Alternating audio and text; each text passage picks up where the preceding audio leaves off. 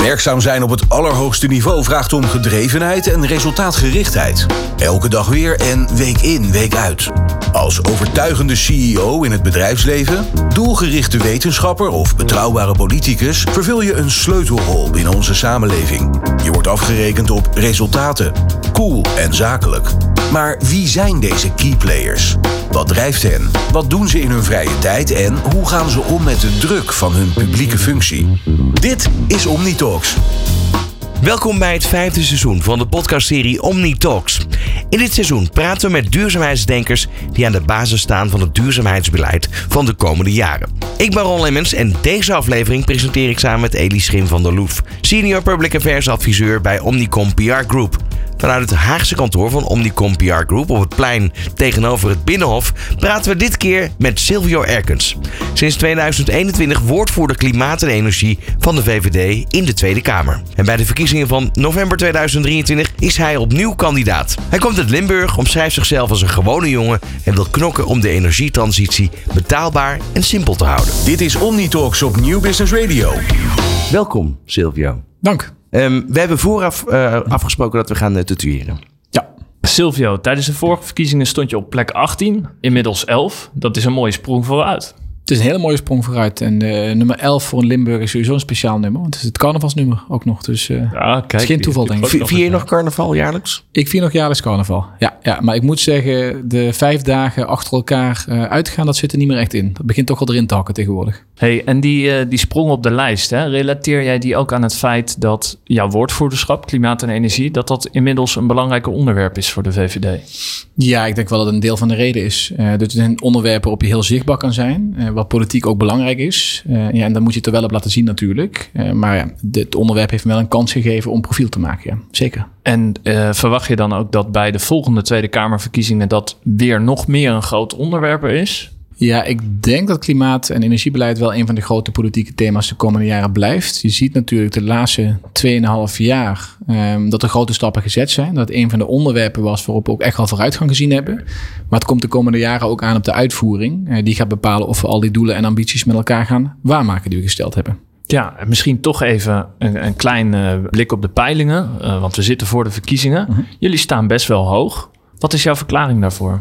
Ja, dat is een kiezer uiteindelijk te verklaren. Nee, we staan inderdaad afhankelijk van de peiling rond de 28 zetels op dit moment. Maar goed, wanneer deze podcast uitkomt, wie weet hoe de wereld dan uitziet.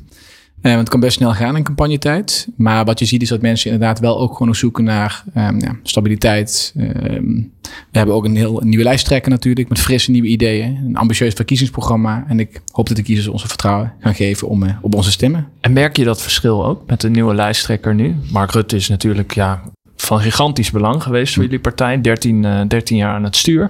Ja, hoe, hoe, hoe is dat zo opeens onder een nieuw iemand? Ja, ik krijg er energie van. Uh, want je merkt wat dat betreft wel dat uh, ja, er echt een nieuwe generatie in het roer staat. Je zag onder Mark natuurlijk al dat heel veel nieuwe mensen op de lijst gekomen waren. Maar nu hebben we ook een, een jonge, frisse lijsttrekker wat dat betreft. En dat zorgt er ook voor dat sommige onderwerpen waar we toch nou, in het verleden best wel um, andere standpunten op ingenomen hebben. Dat we dan nu wel echt een stap naar voren kunnen zetten. Ik denk klimaat is daar een goed voorbeeld van. Daar zijn we over de laatste jaren best wel volgens mij op opgeschoven. In dat we het ook een ontzettend belangrijk thema vinden. We hebben een verkiezingsprogramma en een forse klimaatparagraaf erin staan. We proberen ook op te leveren. Dat we ook de ambities gaan waarmaken met elkaar. En, en als regeringspartij hebben we de afgelopen jaren ook vaak concessies moeten doen op eigenlijk het, het originele beleid wat jullie als VVD bepleiten. Dat klopt, maar dat is natuurlijk in een coalitieland altijd zo. Als je een coalitie moet vormen, moet je compromissen sluiten. Ik denk als je kijkt naar het klimaat- en energiebeleid, dat we um, wel veel van onze eigen accenten erin terugzien. En dat we wel voor mij een goede middenweg gevonden hebben tussen de partijen, waarin iedereen eigenlijk ja, wel tevreden was met wat er stond. Een aantal winstpunten erin had, maar niemand echt ja, over de pijngrens moest gaan, omdat elkaar zeg maar, niet daarop gingen pakken. Zeg maar. En toch bestaat onder sommige mensen het beeld dat het uh, dat het klimaatbeleid vooral vanuit D66, misschien met steun van ChristenUnie, een beetje uh, ja, uh, er doorheen is gedrukt. Zie jij dat anders? Dat zie ik echt anders. Ik heb ook bij de formatie erbij gezeten over dit onderwerp. Um, Henry Bontebal en ik zijn allebei ook wel van, van de inhoud. Dus CDA-lijsttrekker nu en ik zelf als het Kamerlid. En we hebben daar echt wel gewoon een aantal accenten kunnen verschuiven. Uh, dus wat je bijvoorbeeld ziet is de groene industriepolitiek. Dat de bedrijven helpen de stap te maken in Nederland om te verduurzamen in plaats van ze met heffingen naar het buitenland te vertrekken. Het taboe is van kernenergie afgegaan. En zo zijn er nog een aantal onderwerpen die wij ook echt van belang vinden. In Omnitalks belichten we net even de andere kant van prominente vakmensen. Hoe? Door onze gasten te vragen naar drie van hun meest bijzondere tekst- of audiofragmenten waar ze inspiratie uit halen. That's a magic number. Omnitalks. Fragment 1. Goed, eh, we gaan naar het eerste fragment. Ehm, hier eh, heb je gekozen voor het boek van Bill Gates. Hoe we een klimaatramp kunnen vermijden. Ehm, ja, waarom dit boek? Het is misschien een open deur, maar toch hoor het graag van jou. Nou, ik vond het een heel um, inzichtelijk boek, omdat hij op een hele rationele manier kijkt naar de opgave die, uh, die voor ons ligt. Uh, hij geeft inderdaad ook aan wat de dreiging is voor onze toekomst, wat klimaatverandering kan betekenen, um, ook voor uh, nou, laagliggend delta zoals Nederland. En hij komt dan toch met een bepaald optimisme in dat we het met elkaar kunnen oplossen. En ik vind dat hij echt een paar goede harde noten erin kraakt. het fragment wat ik zelf gekozen heb, en het is best een lang fragment, dus helemaal voorlezen is misschien niet nodig, maar het gaat eigenlijk over ja, dat je vaak hoort in klimaatbeleid, we moeten minder vliegen, minder autorijden. Dat is de oplossing als je wil verduurzamen. En wat hij zegt is, ja, het grootste experiment op dit vlak, wat eigenlijk aantoont dat dat dus niet werkt, was de COVID-19-pandemie. We hebben eigenlijk de economie over de hele wereld stilgelegd. Er is bijna niet gevlogen, bijna geen auto gereden. En de CO2-uitstoot is maar met 5% gedaald in dit grote experiment. Terwijl uh, heel veel mensen toch altijd de indruk hebben gehad dat het toen uh, in één keer de natuur weer tot herstel kwam. Nee, maar dat blijkt dus niet zo te nee. zijn inderdaad. En wat hij goed aangeeft is dat de enige manier waarop je klimaatverandering echt kan tegengaan, hoe je de wereld echt kan verduurzamen, is door te zorgen dat het schone alternatief gewoon financieel aantrekkelijker is dan het fossiele alternatief. En je ziet met bijvoorbeeld zonne-energie dat die stap nu echt gezet is. Ik bedoel, ja, in elke woonwijk in Nederland zie je steeds meer panelen terechtkomen elk jaar. En dat geeft aan bij een heleboel andere technieken zijn we ook bijna bij het kantelpunt. Mensen voldoende blijven investeren erin, het vervuilende alternatief duurder maken, dat het ook vanzelf kan gaan. Wat, hoe, sta jij tegenover dat laatste, dat, uh, dat hele vervuiler betaalt principe? Nou, ik sta er positief tegenover. Um, ik denk dat juist door um, een prijs op vervuiling uh, te zetten, uh, bedrijven een voorspelbare prikkel krijgen om te investeren in een schoon alternatief. Het beste voorbeeld daarvan is het Europese CO2-beprijzingssysteem, wat er nu al is. Het heeft jaren geduurd wel om op gang te komen, maar nu werkt het. En al die bedrijven waarmee ik spreek zeggen ook, ja, wij vinden dit wel fijn, want wij weten wat we de komende jaren moeten gaan doen. Maar het systeem laat ons wel vrij in de route kiezen van verduurzaming die bij ons het beste past. Dus de overheid het gaat niet opleggen welke techniek ik moet kiezen, in welk jaartal ik de stap zet. Maar we weten gewoon via een marktgebaseerd mechanisme waar we aan toe zijn. Ja, en daarbij zijn die emissierechten zijn ook nog eens te verhandelen. En zijn ook te verhandelen, precies. Dus je zorgt in die Europese markt dat het op zo'n kosteneffectief mogelijke manier toch geborgd gaat worden, uh, de reductie. En ja, die doelen zijn best wel ambitieus aan het worden. Hè? Dus dat systeem waar we het nu over hebben, in 2040 moet de hele industrie en energiesector in Europa CO2-neutraal zijn. Binnen nou, bijna 16 jaar, we zitten bijna 2024. Hoe kijk jij nu eigenlijk naar het beleid? Als je, als je kijkt naar Nederlands beleid, wordt vaak van gezegd: Nederland loopt voorop. Maar we hebben Europa, waar de regels echt gemaakt worden voor een veel grotere oppervlakte. Laat staan bijna het hele continent, waar we hier leven in Europa. Uh, vind je dat Nederland voorop moet blijven lopen?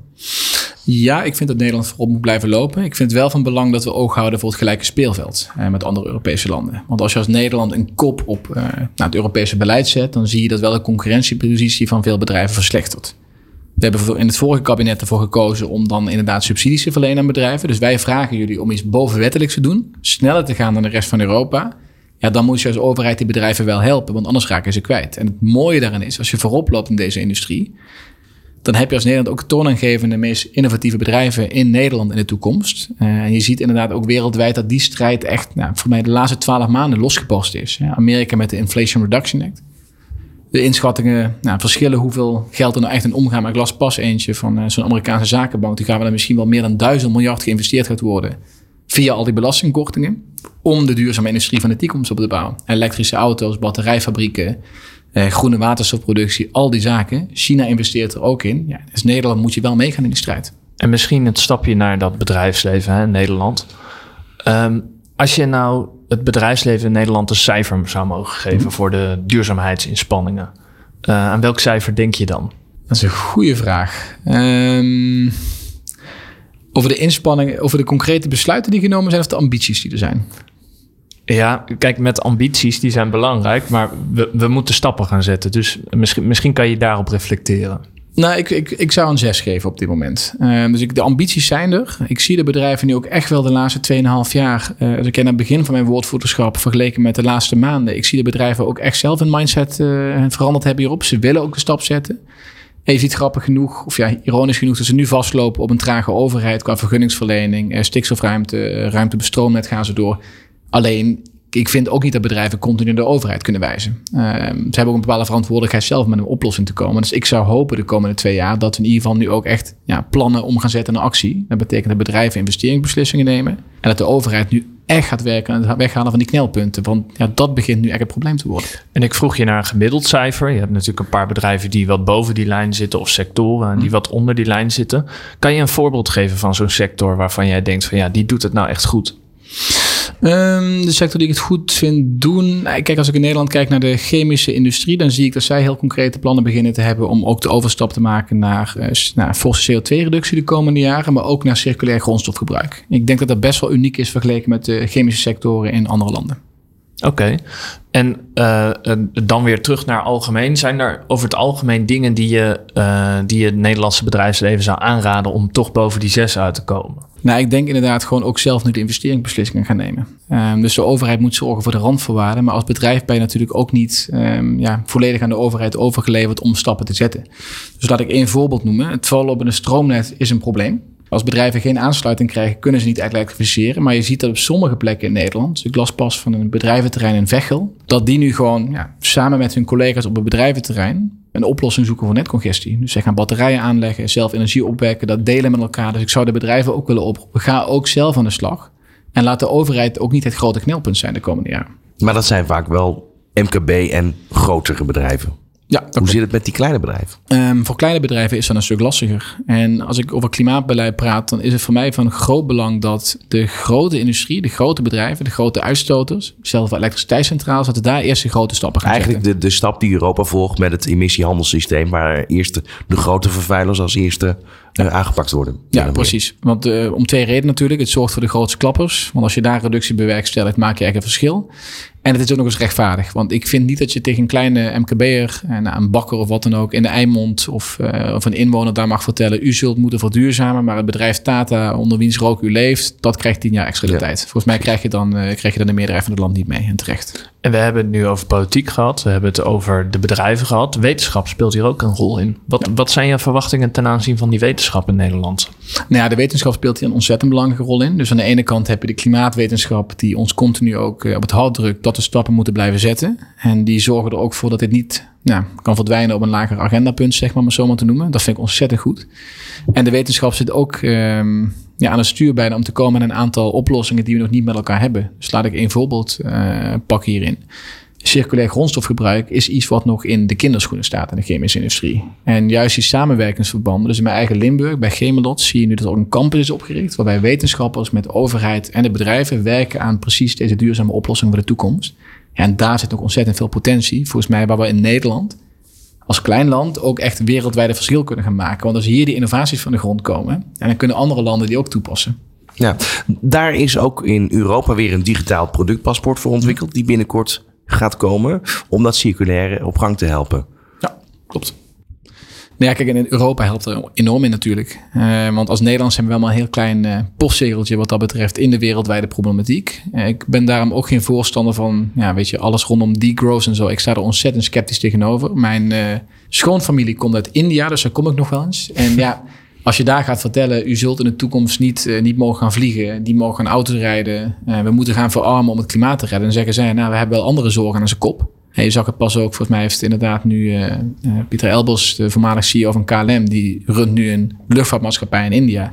Ja, daar worden nog vliegtuigen bij de honderden gekocht. Die groeien is enorm. Dus je moet volgens mij als klein westers landje dat innovatief is, juist gaan kijken naar hoe kunnen we ons leven, zoals we dat nu leiden, op een duurzame manier met elkaar leiden. En als die oplossingen er zijn, dan krijg je dit soort wereldmachten ook met je mee. Maar als je gaat vertellen, ja, we gaan onze levensstandaard moeten opgeven om te verduurzamen, dan denk ik dat je je draagvlak kwijtraakt. Oké, draagvlak is een veel genoemd woord in de klimaatdiscussie, wat ook begrijpelijk is natuurlijk. Maar het, het, land dat je net noemt, ook vooral, nou ja, misschien niet per se India, maar ook landen daarnaast, die gaan de meeste problemen hiervan ondervinden. Zie je dan niet dat Nederland vanuit die koploperspositie ook een soort van uh, noblesse oblige principe toe zou moeten passen, waarin ze zeggen van nou, wij pakken het voortouw hierin. Nee, en dat ben ik eens. En dat doen we op dit moment natuurlijk ook. Dus het meest ambitieuze klimaatbeleid van de wereld is dat van de Europese Unie. En daarbinnen lopen we ook nog eens voorop. Dus volgens mij nemen we die verantwoordelijkheid. En kunnen wij juist aantonen dat we iets eerder investeren in die duurzame technieken. Nou, bijvoorbeeld eh, staalproductie op groene waterstof zou misschien eerder van de grond kunnen komen hier dan in India. En in de toekomst kunnen die landen ook profiteren van de innovaties. Dit is Omnitalks op Nieuw Business Radio. Fragment 2. Voor het eh, tweede fragment heb je gekozen voor het FD-opinieartikel dat je zelf schreef. Je pleit tegen een abrupte afschaffing van de fossiele subsidies. Eh, maar jullie stemden wel voor de motie die de afschaffing van die subsidies onderzoekt. Jullie eh, zijn wel dus voor de afschaffing, maar niet voor van vandaag op morgen. Is dat een goede samenvatting? Dat is een goede samenvatting. En eh, eh, kan je dat wat nader toelichten? Niet vandaag op morgen, wa- wanneer wel? Want we hadden het eerder in dit gesprek ook over fiscale voordelen. Dat is, nou, dat wordt natuurlijk vaak genoemd. Subsidies is een handig gekozen frame. Ja. Maar eh, hoe ziet dat pad wat jullie betreft er dan wel uit? Nou ja, kijk, het belangrijkste volgens mij is dat die sectoren verduurzamen. Dat staat voor ons centraal. Ehm, en als er een fiscale rekening in de weg staat van verduurzaming, moet je er geen afbouwen met elkaar. Alleen dit is een lijst van tientallen zaken ehm, die echt van elkaar verschillen. Eh, sommige regelingen zijn er om een concurrentiepositie te beschermen. Maar sommige zogeheten fossiele subsidies, bijvoorbeeld een, een korting op elektriciteitsverbruik, die helpen verduurzaming juist. Dus je moet per regeling heel gericht gaan kijken hoe staat het in de weg van verduurzaming? En met welk tijdspad gaan we het dan afbouwen? Eh, waarbij we voorkomen dat die bedrijven naar het buitenland gaan, waardoor de vervuiling doorgaat en we hier niet daadwerkelijk iets verduurzamen met elkaar. Want daar ben ik wel huiverig voor. Dat onze eigen straatjes schoonvegen door die bedrijven weg te jagen. En dan gaat de CO2-uitstoot naar het buitenland. En dan komen onze analyses van de planbureaus goed naar boven. En dan kloppen we onszelf goed op de, op de borst. Van, dat hebben we goed gedaan met elkaar. Terwijl wereldwijd natuurlijk helemaal niks veranderd hebben. En d- dit is een, het is een uh, nou, wel overwogen antwoord, geloof ik. Maar ik denk dat de mensen die op de A12 staan, uh, of stonden, moet ik zeggen. Zaten zelfs. Zaten, vastgeplakt. Ja. Dat, die, dat die wel denken van nou, heel zorgvuldig gaan kijken. Uh, we moeten voorkomen dat. Die voelen heel erg urgentie. Die, nou ja, de film Don't Look Up wordt ook wel eens uh, genoemd. Er moet nu iets Goeie gebeuren. film. Ja, maar um, snap je hun angst? Nou, ik snap de zorg, maar het betekent niet dat als ik politicus mee moet gaan in de angst en tot roekloze besluitvorming moet komen. Um, uiteindelijk wat we willen is het land zo snel mogelijk verduurzamen. Dat gebeurt trouwens wel veel. De laatste 2,5 jaar met het Klimaatfonds, alle plannen die gemaakt zijn. Uh, het wordt ook aangetoond onder de planbureaus nu. De doelen zijn voor het eerst in bereik in 2030, maar we moeten nu gaan uitvoeren met elkaar. En het is ook mijn rol als politicus om dan wel te zeggen, ja, soms zullen dingen langer gaan duren uh, dan we met elkaar zouden willen. En er zijn heel veel goede redenen voor te bedenken. Maar het betekent niet dat we vandaag op morgen het hele systeem kunnen omgooien. Als je dat voorstelt, ja, dat zou een economische ramp betekenen voor Nederland. En ik denk ook niet dat we daarmee het klimaat zouden redden, in alle eerlijkheid. Uh, maar goed, dat het niet van vandaag op morgen kan, dat, dat snapt iedereen. Maar een keer is het toch op. Uh, de zaken op aarde zijn maar eenmaal eindig. Komt er een moment waarop de VVD nu echt zegt van... oké, tot hier en niet verder. Uh, we moeten gaan minderen. Niet alles kan overal, maar... er werd natuurlijk ook een opmerking gemaakt van de partijgenoten Remkes over stikstof. -huh. Wanneer is dat moment er nu?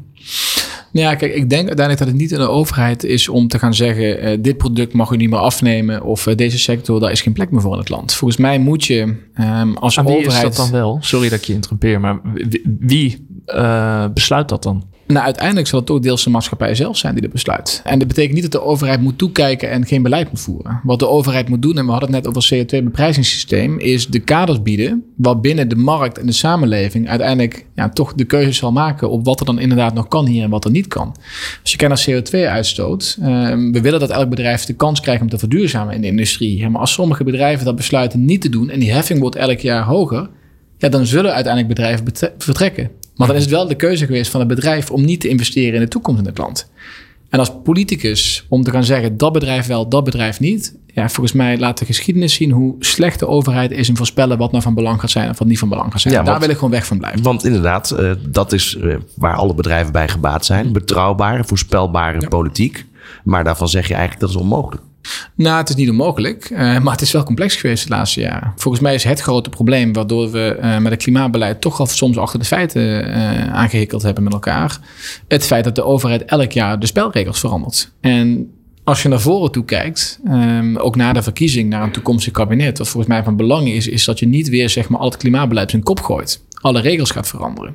Um, een andere richting met elkaar gaat kiezen. Want dan ben je weer twee, drie jaar met elkaar bezig om al die plannen uit te werken. Gaat er in de praktijk nog steeds iets gebeuren. Geen bedrijf gaat investeren. En dan concluderen we twee, drie jaar met elkaar weer. Ja, dan moeten we toch wel andere plannen gaan maken. Dus je zegt eigenlijk, hou dat hele degelijke VVD-beleid nou overeind. Ja, volgens mij is dat sowieso een logische keuze om te maken. Maar ik, kijk, partijen zullen uiteindelijk wel accenten willen gaan leggen. Sommige dingen pas je aan. En volgens mij is dat prima. Dat hoort ook bij de politiek. Hè. Je, je bent niet gebonden aan de afspraken van je voorgangers. Maar op klimaatbeleid, als je de doelen wil halen, kun je niet de stekker uit alles trekken en opnieuw beginnen. Volgens mij zal een komend kabinet vooral op de uitvoering moeten gaan zitten voor alle plannen richting 2030. Want als je dat nu niet gaat doen met elkaar, dan haal je sowieso niet meer. En zullen ze vooral moeten gaan nadenken politiek over richting 2035. Wat zijn dan de politieke keuzes die je kunt maken? Want daar ligt wel nog veel open. Maar klimaatbeleid vergt ach, ja, een lange termijnvisie en blik erop. Ja. Hoe, kijk je eigenlijk naar het feit dat, dat Nederland met, met al die uh, ja, Natura 2000 gebieden die zijn aangewezen, de, stikstofproblematiek eigenlijk ja, min of meer de overheid zichzelf in de voet geschoten heeft. Waardoor nu bepaalde bouwprojecten niet door kunnen gaan. En het daar helemaal vastgelopen is. Ja, ik denk inderdaad dat dat gewoon heel complex is. en dat gaat jaren duren voor we eruit komen met elkaar. Dus wat je nu ziet is dat die stikstofruimte ontzettend schaars is. En als klimaat- en energiewoordvoerder krijg ik dus inderdaad vaak ook wel de lobby vanuit bepaalde sectoren op mijn dak van joh, geef nou voorrang aan alles voor de klimaat- en energietransitie. Maar is, is dit dan eigenlijk de afrekening met het feit dat Nederland altijd maar voorop wil lopen? Nou, het ligt in delen. Volgens mij is voorop lopen niet het probleem, maar moet je wel weten waar je voor tekent en hoe je het er gaan waarmaken met elkaar. En ik denk dat bij klimaatbeleid we uh, zagen in het verleden dat er vaak wel doelen stellen met elkaar, maar niet daarna invulden met beleid. En dan kom je inderdaad bij de rechter erachter dat er onvoldoende gebeurt. En dan moet je hals over kop vaak onderdachte besluiten nemen. Kijk naar het agendavonnis. Uh, er zijn maatregelen genomen om de codecentrales inderdaad minder uh, nou, te laten stoken. Ja, er zijn Terwijl in Duitsland de kolencentrales opgestookt worden. De bruinkoolcentrales zelfs. Ja. Um, en dat heeft er nu voor gezorgd dat de rechtszaken lopen tussen de staat en die kolenbedrijven. Dat we enorme vergoedingen hebben betaald van honderden miljoenen aan die centrales al om het te compenseren. Terwijl het voor de CO2-uitstoot op de lange termijn ja, eigenlijk niet een verschil maakt. En dit vergt dus vooruitkijken, doordagbeleid en daaraan vasthouden met elkaar. En weten waar je dus voor tekent. Maar daar zit wel een schijnbare tegenstelling in. Want je zegt aan de ene kant, we, hebben, we moeten vooruitkijken. Uh, we hebben beleid nodig waarin we uh, nou, uh, misschien optimistisch zijn, maar ook nou, echt, echt wat willen behalen. Tegelijkertijd moeten we het niet de hele tijd aan gaan scherpen.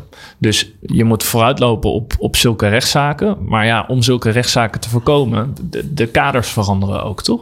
Nou ja, dat is de inherente spanning, denk ik. Want we hebben bijvoorbeeld een waarin we zaken juridisch met elkaar verankeren. Daar is een doel gesteld en daarmee zijn ook toekomstige regeringen gebonden aan het doel. En ik denk aan de ene kant dat het goed is dat je voorspelbaar bent en ook je ambitie aangeeft. En aan de andere kant zorgt het er wel voor dat wanneer je niet erop kan leveren en niet goed doordacht hebt waar je het doel op gesteld hebt, dat je juridische procedures krijgt en dat je dus wel terechtkomt in misschien onderdacht beleid.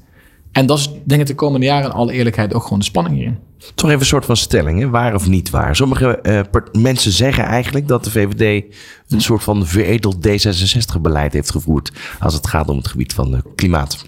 Nou, dat is niet waar. Dat is zeker niet waar. We hebben dit laatste jaar echt wel verschil kunnen maken op klimaatbeleid. Wat ik zei, de kerncentrales, daar is D66 sinds kort ook voor. Dus misschien zijn zij nu voor een veredeld VVD-klimaatbeleid. Zo zou je het natuurlijk ook kunnen verwoorden. Um, daar hebben we verschil gemaakt. Maar ook gewoon hoe wij kijken naar het bedrijfsleven. En het feit dat je niet alleen via de stok, via heffingen... maar ook door het creëren van een randvoorwaarden met subsidiesbedrijven... Um, het perspectief geven om de stap te zetten. Ja, dat is wel echt anders. En waar ik ook een broertje dood aan heb, zijn al die persmaatregelen voor burgers. Um, waar je in het klimaatbeleid eigenlijk geen, geen stap meer zet. Waar mensen horen door van worden. Ik vind dat twee leuke voorbeelden. Vind ik alle terrasverwarmers. Die komen in gemeentes vaak langs. Die moeten we verbieden. Nou, alsof dat nou het grote verschil gaat maken. En we hadden pas uh, de plastic tax. Het feit dat je als je een koffietje koopt 10 cent extra betaalt voor je bekertje. Terwijl die ondernemers, ja, die kleine MKB's, zijn niet bezig met daardoor circulair plastic uh, source. Uh, gaan ze maar door. Ja, die maatregelen hebben pas in de Kamer ook weggestemd met elkaar. Dan zitten sommige partijen echt anders in. Kijk naar beleid aan de bron. Kijk bij de industrie bijvoorbeeld hoe zij aan de slag kunnen gaan met duurzaam plastic. Maar gaan dan niet mensen hier met een kleine onderneming daarmee lastigvallen. Want die zijn niet zes uur per week bezig om te kijken waar ze nou het beste plastic kunnen inkopen. Dit is Omnitalks op Nieuw Business Radio. Fragment 3. Sylvia, we gaan naar het derde en laatste fragment. Um, jij was op 18 mei was je te gast bij één Vandaag om te praten over kernenergie. Laten we even gaan luisteren. Maar de bouw van nieuwe centrales kost ook tijd. Ja. Dus je moet eigenlijk daar nu mee beginnen om voldoende studenten op te leiden die ook in de slag kunnen gaan bij de nieuwe centrales. Nou, die luxe om te wachten hebben we niet. Vanaf 2008 uh, gaat het debat over kernenergie vaak al ja, het draait om rondom dit argument. Het duurt te lang, wacht erop en het beslissen in de toekomst. Ja, was een, was een hele vlugge, maar... ehm, Ja, ik, ik praat ook heel snel als ik ernaar luister. Maar dat is A van een beestje. Dus dat, eh, Nou, ik vind je vandaag eh, vrij rustig. dan moeten we terugluisteren. Misschien klinkt het anders als je erin luistert. Ja, dat is altijd natuurlijk een beetje ongemakkelijk om je eigen stem te horen. Al Zeker. moet je daar, denk ik, als politicus toch wel een beetje aan eh, gewend zijn inmiddels. Tja, kernenergie, dat is ook zo'n onderwerp. Je noemde net D66, die eh, sinds kort aan jullie zijde te vinden is voor kernenergie. Maar de meningen zijn erover verdeeld, hè? De meningen zijn erover verdeeld, maar er is nu een ruime meerderheid in de Nederlandse politiek wel gewoon voor kernenergie. Dus als je naar de, de huidige peilingen kijkt, gaat optellen hoeveel eh, van de 150 zetels ervoor zijn, zitten we ruim over de 100 op dit moment. Op dit moment, oké. 22 november hebben we verkiezingen. Verwacht jij die meerderheid na die verkiezingen ook nog steeds? Ik verwacht de meerderheid na de verkiezingen ook nog steeds. Ja. Ik zie het niet gebeuren dat, eh, dat, eh, dat er nog zo'n grote afschuiving plaatsvindt. Maar wie weet, over drie weken had ik helemaal ongelijk. Dan, dan hoor ik er vast terug van jullie. En, en ten aanzien van die kernenergie, hè? ik hoorde je net, net zeggen van degrowth, daar geloof ik niet zo in. Toch even een opsomming. Eh, ik noem twee kernrampen Tsjernobyl, Fukushima. Komt gevaarlijk kernafval vrij. Daar moeten we iets mee. Het kost erg veel tijd voordat we zo'n centrale hebben. Tegen die tijd zijn er mogelijk al andere technieken. En oh ja, dan vergeet ik nog even dat het 10 miljard euro kost om dit allemaal te bouwen. Maar toch zeg jij, ja, dit moeten we doen. Ehm, en dan vraag ik me af, is dit niet het voorbeeld dat je ook soms je levensstandaard aan moet passen in plaats van alsmaar meer met iedereen op deze wereld eh alsmaar groeien, alsmaar. Is dat, ja, kijk jij daarnaar? Nou, ik, ik er dus anders heen, maar dat had je ook al verwacht, denk ik. Ehm, ik, ik wil trouwens ook elk argument omkrachten dadelijk hoor. Dan komen we, kunnen ze één voor één an- langslopen. Maar volgens mij is betaalbare energie eh, in overvloed beschikbaar gewoon de basis van onze moderne welvaart. Dat hebben we gewoon gezien. Sinds de industriële revolutie is de kwaliteit van leven omhoog gegaan, de levensverwachting, de gezondheid van mensen gaan ze door. Zonder betaalbare energie is dat gewoon niet mogelijk. Dus voor mij is het geen discussie van ja, we moeten maar minder energie gaan gebruiken en we gaan terug in de tijd. Eh, het betekent nogal wat. Hè? Als we degrowth zouden omarmen, dan hebben we minder geld voor de zorg. Dan hebben we minder geld voor de pensioenen, minder geld voor onderwijs. En dan komen we echt in een veel minder leuke samenleving terecht met elkaar. Dus ik sta niet voor die route. Als je kijkt naar kernenergie, het is een deel van de puzzel die we nodig hebben om dit op te lossen. We bouwen nu een windpark op zee. Die zijn trouwens ook niet gratis. Die worden subsidievrij beschikt. Maar we investeren wel tientallen miljarden in de infrastructuur vanuit publiek geld. Gewoon vanuit de energierekening van normale Nederlanders. Kerncentrales zijn een goede aanvulling erop. Met name omdat ehm, wind en zon, naarmate je meer projecten krijgt, vaker met elkaar concurreren op dezelfde moment. En dan zie je die negatieve stroomprijs. En als consument is dat natuurlijk ontzettend goed. Maar voor een commerciële partij die investeert erin, is dat niet goed. Dus je ziet dat naarmate er meer wind en zon gaat zijn, de subsidiebehoefte daarvan ook toeneemt. Dus juist die combinatie met kernenergie erbij zorgt voor het ja, goedkoopste totale energiesysteem. En volgens mij moet je inderdaad niet kijken naar een los windpark of een losse centrale, maar je moet gewoon kijken vanuit de maatschappij. Hoe bouwen we nou een stabiele, betrouwbare energievoorziening van Nederland, die ook nog eens zo betaalbaar mogelijk is? En kernenergie speelt daar een belangrijke rol in, als een onderdeel van die puzzel. En is daar ruimte voor in Nederland? En dan heb ik het over de fysieke ruimte. En er wordt natuurlijk gezegd, ja, zo'n kerncentrale die zet je neer. Wat heb je daarvoor nodig? Een paar, eh, nou, een paar honderd vierkante meter. Maar je hebt ook te maken met afstanden. Je hebt te maken met mensen willen die zo'n kerncentrale naast hun huis eh, hebben staan. Ja, Ja, je hebt, neemt minder ruimte in beslag dan de andere alternatieven. Dus een, een windpark en een zonnepark in een dun bevolkt land neemt, of een dicht bevolkt land neemt veel meer ruimte in beslag.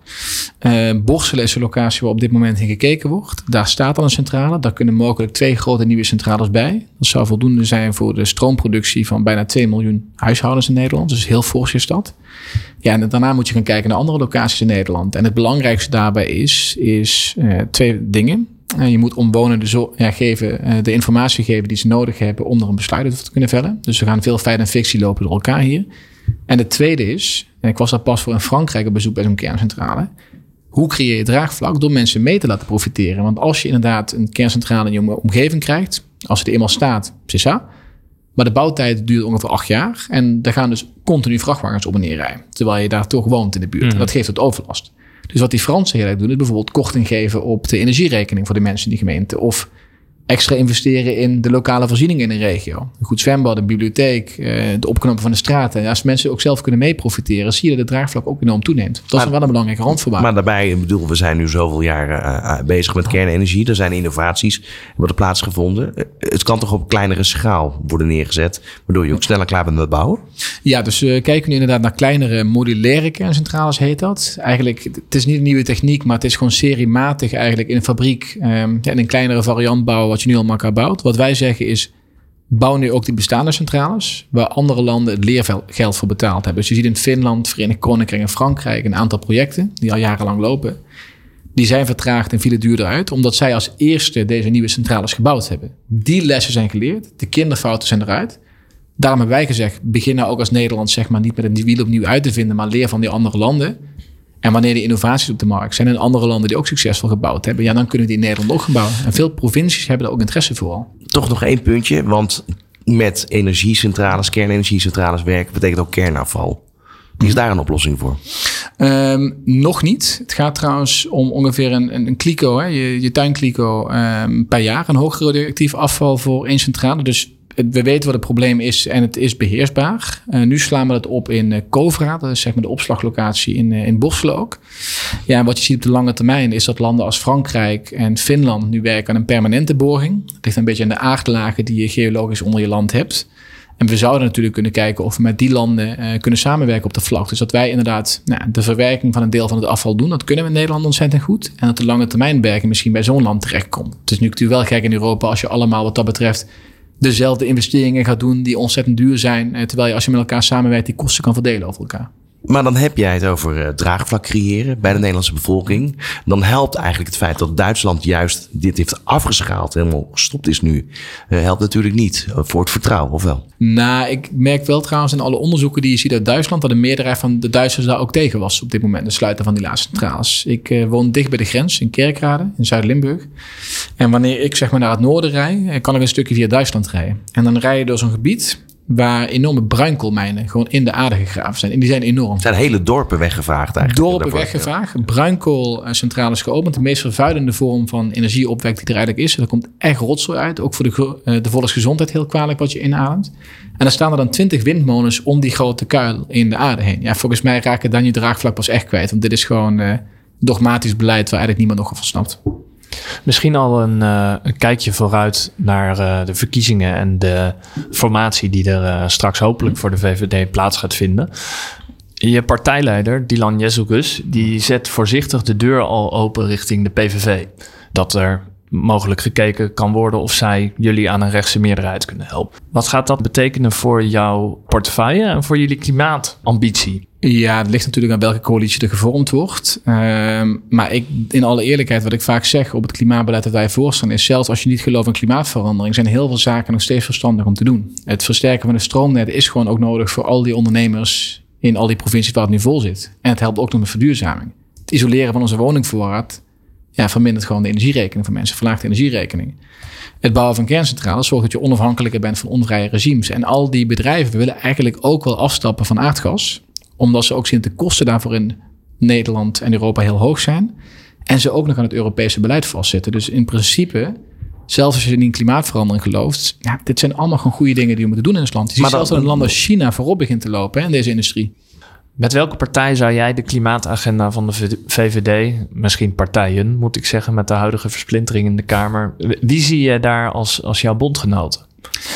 Ja, nou kijk, ik denk in alle eerlijkheid, um, en dat is natuurlijk lastig speculeren, het hangt ook van de uitslag af, dat op basis van de plannen die wij hebben, je eigenlijk met de meeste partijen gewoon zaken op kan doen. Uh, omdat wat ik net zei, zelf als je zegt van joh, die hele klimaatverandering, uh, pff, ik geloof er niet in. Zelfs dan, het isoleren van de woningvoorraad, de grote uh, onderdelen van het beleid. Wat, natuurlijk. Het kost wel wat, maar investeren in energieonafhankelijkheid, uh, lagere energierekeningen, uh, betere luchtkwaliteit trouwens zijn wel iets zaken waar veel partijen trouwens ook wel belang hechten. Uh, Silvio, we zijn eigenlijk door het gesprek heen. Maar we hebben nog één vraag aan jou.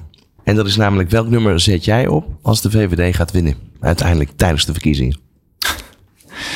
Is de moeilijkste vraag dat u in het hele gesprek, denk ik. uh, maar ik denk zelf van, wat was een beetje een, een, leuk nummer waar ik energie van krijg, waar je gewoon vrolijk van raakt. Ik zag nog net met een Spotify-lijst eentje langskomen. Dat is uh, Rockstar van, uh, van Dat Baby, is een Amerikaans rocknummer. Ik word er gewoon heel vrolijk van. Dus zet hem een keer op, zou ik zeggen, voor de luisteraar. En ik denk dat een deel van jullie daarna wel een slechter perspectief op mij krijgt wanneer je gehoord hebt wat voor nummer dit is. heel goed. En dankjewel voor je komst. en Dank. ja, de kijk op jouw visie op duurzaamheid en veel succes in de toekomst. Yes, Dank Silvio. Leuk. Bedankt voor het luisteren naar OmniTalks. Wil je reageren? Mail naar info@newbusinessradio.nl. Beluister alle afleveringen via nieuwbusinessradio.nl of de bekende podcastkanalen.